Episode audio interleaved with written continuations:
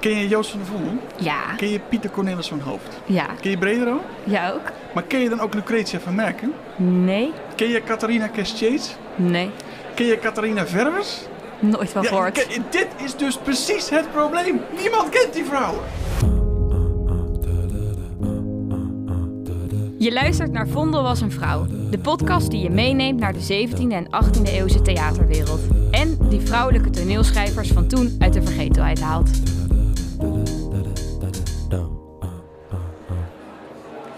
Leuk dat je luistert naar Vondel was een vrouw. En dat je met me meegaat naar de 17e en 18e eeuwse theaterwereld. Ik ben Roos, historicus bij Goeie Oude Koeien. En samen met experts haal ik toneelschrijvende vrouwen van toen uit de vergetelheid. Vandaag leren we Juliana de Lannoy wat beter kennen, of Juliana de Lannoy, daar komen we straks achter. En zij was een schrijvende barones uit Brabant. Bij mij aan tafel zit Imre Besanger, artistiek leider van Theater Kwast, theatergezelschap dat een stuk van Juliana de Lannoy opvoert. En Imre, jij bent inmiddels groot fan van haar volgens ja, mij. ik ben helemaal fan van Juliana. Ja. Ja, met wie vergeleek je haar nou? Ik vind haar echt de Nederlandse Jane Austen. Omdat ze zo scherp eh, maatschappijkritiek... eh, en dat heb ik in Nederland nog nooit gelezen. Dus dat vind ik heel erg leuk. Ja, nou mooi dat we haar mogen leren kennen. En daarvoor hebben we ook Lieke van Dijnsen, onderzoeker en docent aan de KU Leuven. En jij woont in Antwerpen, eh, maar wij nou ja, zitten hier nu met jou op afstand. Eh, een hele internationale aflevering. Eh, heel leuk eh, dat je er bent, Lieke. En Fijn jij, dat ik zo mee mag doen. ja, jij doet onderzoek naar de beeldvorming rondom schrijvende vrouwen in de vroegmoderne tijd. Kun je daar kort iets over vertellen, Lieke? Ja, zeker. Ehm, ja, wat ik doe is onderzoek naar hoe vrouwelijke schrijvers eigenlijk tot publieke bekendheden uitgroeien in die vroegmoderne tijd. En ik doe dat onderzoek vooral aan de hand van hun portretten. Dus echt de, de, de foto's van die, eh, die vroegmoderne foto's van die schrijvende vrouwen. En die waren super populair in die periode, want alle lezers die verzamelden de plaatjes van hun meest favoriete auteur. Die foto's zaten ook steeds vaker in boeken. Ah, nou ja, Imre en ik hebben hier alle twee ons exemplaar van de Lanois meegenomen. Met Ja. alle twee een portret van de Lanois erin. Die laten ze nu heel trots van elkaar aan elkaar zien. Mijn is het mooiste ook, ja. Ja. Maar dat is heel lastig voor die schrijvende vrouwen. Want nou ja, daar gaan we straks ook, denk ik, in veel meer detail over spreken. Die vrouwen, dat was helemaal niet evident dat die meededen in die literaire mannenwereld. En hun portret als schrijvende vrouw de wereld in helpen was heel confronterend. Een, een beeld, een plaatje van een vrouw die aan het schrijven was. Nou, en aan de hand van dat soort portretten onderzoek ik nou hoe ze zichzelf positioneerden in die literaire mannenwereld. En waar komt jouw fascinatie voor deze periode vandaan? Ehm, nou, als het gaat over eh, mijn onderzoek naar schrijvende vrouwen, dan is dit echt het moment dat die schrijvende vrouwen voor het eerst actief en op grote schaal gaan meedoen aan die boekenwereld. Dus die 17e en 18e eeuw is echt heel belangrijk daarvoor. Oké, nou ja, tijd eh, om een van die vrouwen dan eh, wat beter te leren kennen. We pakken Vondels vriendenboek erbij. Dit eh, enorme boek, waar eh, ja, aan de hand daarvan leren we die vrouwen wat beter kennen. Nou ja, de naam is natuurlijk eh, de eerste vraag die erin staat. Gaan we voor de Lannoy of toch voor het wat chique Fransere de Lannoy? Wat denk jij, Lieke? Ja, ik denk dus dat het alle twee kan. Er, is altijd, er zijn altijd twee kanten aan een verhaal. Delanoy zegt echt iets volgens mij over dat het echt een Nederlandse vrouw is. Een geëmancipeerde Nederlandse vrouw. Uh, Delanoy past natuurlijk heel goed bij het feit dat ze eigenlijk ook barones was. En een beetje chic. Dus um, ja, ik heb eigenlijk misschien geen voorkeur. Uh, en misschien passen de verschillende Delanoys of Delanois ook wel bij verschillende aspecten van haar leven. Oh, die is Oh, mooi. ja. Ja. ja. We gaan wisselen, oké. Die houden Mag we door elkaar. Ja, ja, die houden we erin. Hey Imre, wanneer leefde zij? Zij leefde in de tweede helft van de 18e eeuw. Ze is geboren in 1738 en overleden in 1782. 43 jaar oud geworden. Niet zo heel oud, uh, dus. Nee, maar uit haar gedichten kom je er wel achter dat ze uh, een beetje ziekelijk uh, was. Uh, ze heeft waarschijnlijk ooit een longontsteking gehad waar ze heel lang mee getopt heeft. En uiteindelijk heeft dat er ook, denken we, de, de, kop gekost. Ze schrijft er ook Ja. gedichten over als het beter gaat, dat ze letterlijk weer lucht heeft. En waar kennen we haar van? Zij heeft uh, drie, toneel, drie tragedies geschreven voor de Amsterdamse stad Schouwburg. Um, en, en een van de meest invloedrijke daarvan was de belegering op Haarlem.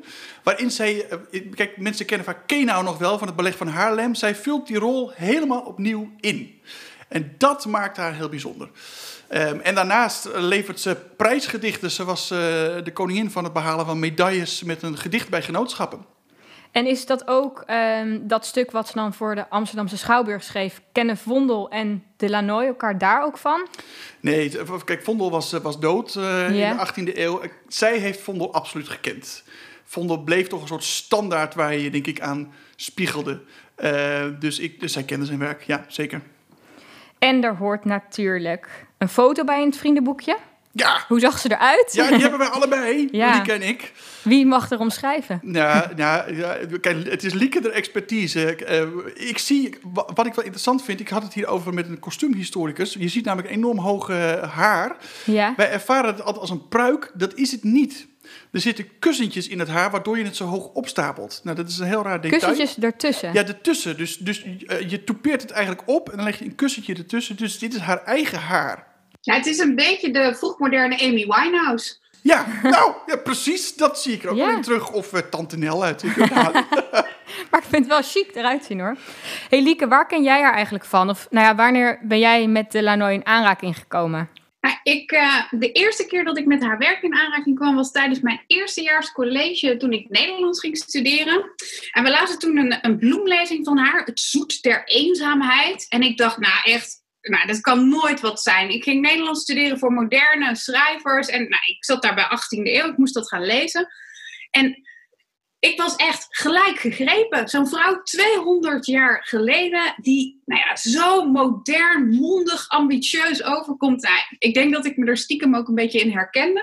En ehm, ik denk dat het ook niet toevallig is dat toen ik promoveerde, eh, alweer drie jaar geleden, dat ik ook dat boek dus eh, van vrienden cadeau kreeg. Dus eigenlijk loopt de Lanois als een soort rode draad door mijn eh, studie- en werkzame leven ondertussen. Ah, En ik denk dat ik gewoon nooit meer loslaat. Mooi. Hey, ehm, waar woonde zij, Imre? Eh, zij eh, woonde in Geertruidenberg. Help me even, waar ligt dat? Ja, Geertruidenberg ligt onder de rook van Breda. Het was een garnizoenstad in de 18e eeuw. En ja, ga allemaal een keer naar Geertruidenberg, want je kan haar huis nog bezoeken. En dat is heel bijzonder. Museum de Roos. En daar staat een bureautje waar zij dan gezeten zo heeft. Dat Ja. is niet echt haar bureau natuurlijk, maar we doen alsof. Ja. En dan kijk je zo over de markt. En Geertruidenberg, ja, dat is... eh, Ik vind het spectaculair, want het is alsof je een Roald Dahl-roman instapt. Namelijk, als je over de markt van Geertruidenberg het stadje uitkijkt... dan staat daar een enorme energiecentrale waar er eh, rook uit spat. en dat Ja. contrast tussen dat schattige eh, vestingstadje en, en, en dat, eh, ehm, dat enorme ehm, eh, hoe heet dat, ehm, industriële Ja. geweld. Dat is heel spannend. Kunnen we zo een film maken? Ja, nou ja, dat was ook Ja. mijn ingevoel. Ja. Hey, de, in Brabant dus. Ehm, Lieke, was dat... Oh, wacht, stop. Er was toen nog geen Brabant. Dat hoorde Nee? bij Holland. Ja, het was een Hollandse stad. Net zoals Dordrecht. Oké. Ja? Nou ja, was dan toch dat schrijversmilieu daar anders dan in ja, een Den Haag of een Leiden of Amsterdam? Ja, ze zat natuurlijk toch een beetje in het, eh, het zuiden des lands. Eh, Ja. En nee, je hebt wel schrijvende vrouwen ook in, eh, in de zuidelijke, of nou, in het zuiden en vooral ook in de zuidelijke Nederlanden. Maar eigenlijk die vrouwen die haar, haar schrijvende tijdgenoten die op die plek ook schreven, waren bijna allemaal religieus. Die schreven bijna alleen maar religieuze werken. Dus ja, wat dat betreft zat ze toch een beetje geïsoleerd. Ja, maar ze maar- had er wel allerlei oplossingen voor door heel veel te communiceren en corresponderen met eh, ja, vooraanstaande eh, literatoren uit de grote centra, uit Amsterdam, uit Den Haag, uit Leiden. Bilderdijk, toch? Ja, vooral Bilderdijk Ja. en Rijnfrits Feit. Groot fan. Alle twee, ze adoreerden haar echt. Ja. Oeh. ja, ik ben niet de enige die haar zo leuk vindt. Nee. ja. Nou, we begrijpen steeds beter waar dat allemaal vandaan komt. Ehm, en zij kwam dus wel uit een goed milieu dus. Eh, zij was barones, Ja. een militair gezin volgens Militaire mij. familie, ja. ja. Ehm, en ik heb een leuke vraag binnengekregen die daar wel goed bij aansluit. Eh, we hebben verschillende mensen gevraagd om vragen in te sturen. En in deze aflevering is er een van een student van de toneelschool. We gaan even luisteren. Hoi, ik ben Paulien Voest. Ik zit momenteel op de Toneelacademie Maastricht in mijn eerste jaar van de acteursopleiding. En ik was eigenlijk wel heel erg benieuwd hoe het er voor die vrouwen, de schrijvers en de toneelmakers in die tijd een opleiding daaruit zag. Hoe zag de opleiding van toneelschrijvers eruit? Nou, niet. Dat bestond helemaal niet. Eh, dit is een toneelschrijverij, is iets wat je doet in je eigen tijd. Het is liefhebberij. waar je eer en roem mee behaalt. Maar het idee dat je daar echt een opleiding toe volgt, dat, uh, dat, uh, dat kenden ze niet. Kijk, je kon je natuurlijk wel verdiepen. Uh, zo iemand als Juliana Lanois, of Lanoy, zal heel veel gelezen hebben en ja. zich daaraan gespiegeld hebben. En, en, en maar dat was dus zelfstudie. En dat kan in Geert Ruidenberg heel goed. dat blijkt. Ja, dus zij, zij, las wel veel, was heel leergierig. Um, wanneer debuteerde zij, Lieke? Ja, in 1766. En ze was toen net 27 jaar oud. Ik vind dat altijd een beetje frustrerend als iemand debuteert die jonger is dan dat ik ben nu. uh, maar uh, nee, ja, ze was toen eigenlijk al een paar jaar heel hard bezig met die zelfstudie. Uh, en ze schrijft, haar eerste gedicht dat ze publiceert is eigenlijk super fascinerend. Een satirisch gedicht. Dus ze pakt gelijk met een vlijmscherpe pen een heikele kwestie aan. Het gedicht heet Aan mijn geest. En nou, wat ze daar eigenlijk in doet, is ze beschrijft de dialoog tussen. Eigenlijk een interne dialoog tussen zichzelf, de ik-figuur, en haar geest. En die geest is eigenlijk de geëmancipeerde schrijfster die zij wil worden. Dus enerzijds heb je de jonkvrouw, de Lanois. En aan de andere kant die geëmancipeerde dichteres die zij hoopt te worden. En ja, dat is natuurlijk super vooruitstrevend op dat moment. Ja, want wat kunnen we ja, aan de hand van dit werk zeggen over de positie van de vrouw in die tijd? Nou ja, voor zo'n vrouw als Delanois, die echt de ambitie had om haar literaire stem te laten horen, was het uh, niet evident. Uh, dus die, dat, die wereld in de 17e en zeker ook nog in de 18e eeuw was vooral een mannenwereld. En van vrouwen werd toch vooral verwacht dat ze zich toelegden op het, op het huisgezin. Uh, een vrouw van stand als de Lanois, daar kwam een hele set aan uh, verwachtingen bij. En daar paste niet bij dat je zeker kritische literaire teksten kon schrijven. En de Lanois die verzet zich daartegen. Maar dat gedicht, dat debuutgedicht, laat heel mooi zien dat ze daar wel mee worstelt. Nou, en ze brengt daar toch ook offers eigenlijk voor op, want daarmee uh, gooit ze ook wegen dicht, begrijp ik. Toch? Ja, nou ja, de, nou ja de, uiteindelijk, ze zal niet trouwen. Uh, ze krijgt geen kinderen. Uh, dus inderdaad, het, het, komt, het schrijverschap komt wel met een prijs in haar leven. Ja, ja. Ja, want hoe werd haar werk dan ontvangen in die tijd? Nou ja, dat gedicht heel erg. Uh, nou ja, ze keken daar wel een beetje met uh, argusogen naar. Maar wat bijvoorbeeld heel bijzonder is, is dat uh, een van mijn andere grote favoriete dichteressen, Betje Wolf, Elisabeth Wolf, die pakt, die, die grijpt dat gedicht dat aan mijn geest bijvoorbeeld aan om ruim tien jaar later zelf ook zo'n aan mijn geest gedicht te schrijven. Waarin ze haar eigen worsteling met dat schrijverschap uh, brengt. Dus ze is heel erg invloedrijk wat dat betreft. Maar waar ze vooral enorm populair mee wordt en eigenlijk van zowel mannen als van vrouwen heel veel lof krijgt, is door haar, door haar toneelwerk. Dat is toch wel echt de kern van haar oeuvre.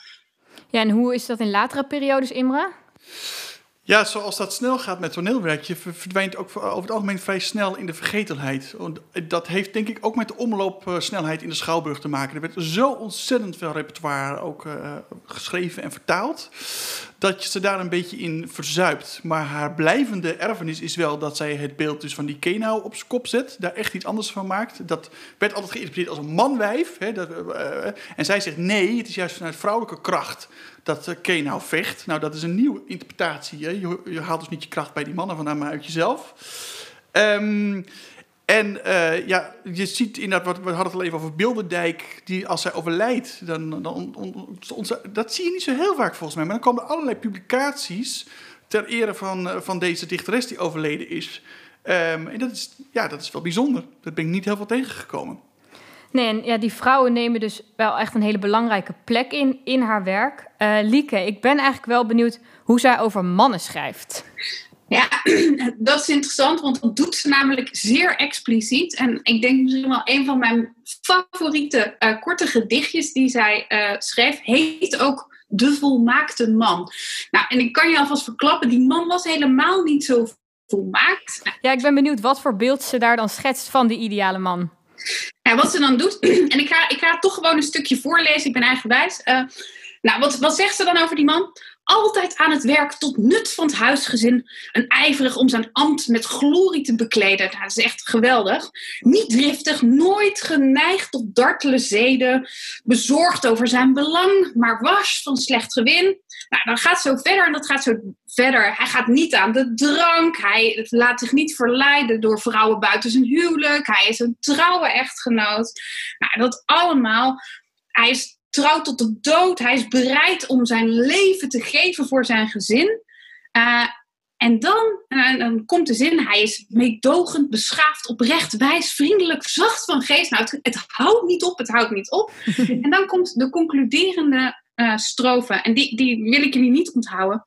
Die man met zoveel deugd, met zoveel roem beschonken.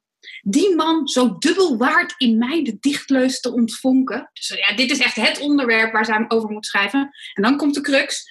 Is, naar ik merken kan, nog nooit op aard geweest. De ideale man bestaat is er niet. Nee, want zij Juliana, bedankt. Nee. Ja. ja. ja. Shit, ja. ja, maar zij komt de liefde dus... Nou ja, zij trouwt niet. Uh, nee. Is dat omdat ze de liefde niet, liefde niet tegenkomt? Of wat is daar aan de hand? Nou, ik denk dat haar ambities haar een andere kant uitleiden. Zij is natuurlijk heel ambitieus. En uh, daarmee uh, kiest ze heel nadrukkelijk voor het schrijverschap. En niet voor... Uh, kijk, het was ook niet ongebruikelijk op het moment... Je ziet meer schrijvende vrouwen en je ziet heel vaak op het moment dat die trouwen... dat die ook stoppen met publiceren bijvoorbeeld. En je, dat was voor haar geen optie. Dus ik denk dat dat wel een hele belangrijke rol heeft gespeeld. Ja, dus het schrijven gaat dan toch boven de man ja. voor haar. Ik denk het ook, maar we moeten niet ontkennen, want we moeten haar nu niet wegzetten als een, uh, een soort van uh, oude vrijster. Of in ieder geval niet, die niet aan de man kan komen. Maar echt allerminst, als je ziet wat voor fanmail die vrouw gekregen heeft. Uh, we, we noemden het al even, hè? Bilderdijk, Rijnvis Feit. Echt alle jonge dichters, alle aanstormende dichters, die lagen aan haar voeten. Aan aandacht geen gebrek. Ja, nee, nee misschien kon ze gewoon niet kiezen. Was dat het? Ja. Misschien was ze nog progressiever dan we dachten. Ja. uh, ik wil graag afsluiten met een stukje uit haar toneelstuk, De Belegering van Haarlem. Ja. Imre, wat is nou echt de allermooiste zin daaruit? Nou, ik wou iets voorlezen wat niet in het stuk zelf zit, maar wat uit de voorrede komt. Uh, ze schreef, vaak in als het gepubliceerd wordt, dan komt er een, een, een, voorrede bij van waarom ik dit geschreven heb en zo. En er staat een klein gedichtje aan het einde en dat vond ik zo leuk om dat erbij te halen. Dan zegt ze namelijk um, dat ze verbaasd is over waar de, de dichtkunst haar leidt. Uh, namelijk, zij leeft ervoor om Nederland ene dag één uur vermaak te geven, is thans de onsterfelijkheid en de opperste eer voor mij. Nou, die zucht naar roem zie je toch terug in deze ja. Juliana Delanois. En dat lees je ook voor uit een prachtig boekje een uit. 18e eeuws ja. exemplaartje ja, van Je ruikt deze, de geschiedenis je, hier. Je ruikt de Lanois nog als je er dicht op gaat. nou, dankjewel. En dankjewel ook Lieke, zo vanuit Antwerpen. Heel leuk uh, nou ja, dat je ons meenam uh, in dat leven van Delanoy, Delanois. Uh, volgende keer bespreken wij uh, Margaretha van der Werken. En uh, ja, ben benieuwd wat dat voor vrouw was. Dankjewel. Doei. De podcast Vondel was een vrouw een productie van Goeie Oude Koeien in opdracht van Theater Kwast. De podcast kwam tot stand met steun van het Cultuurstimuleringsfonds Haarlem, de Gravin van Bieland Stichting, de JC Ruigrok Stichting en het Prins Bernhard Cultuurfonds Noord-Holland. Veel dank aan Imre Bussanger en aan alle experts die ons meenamen naar vroeger. Wil jij een van de voorstellingen van Kwast bijwonen? Ga dan naar theaterkwast.nl voor het programma. En wil je dat nog meer mensen kennis maken met deze 17e eeuwse theaterwereld? Laat dan een recensie achter. Dat maakt de podcast beter vindbaar. Dankjewel.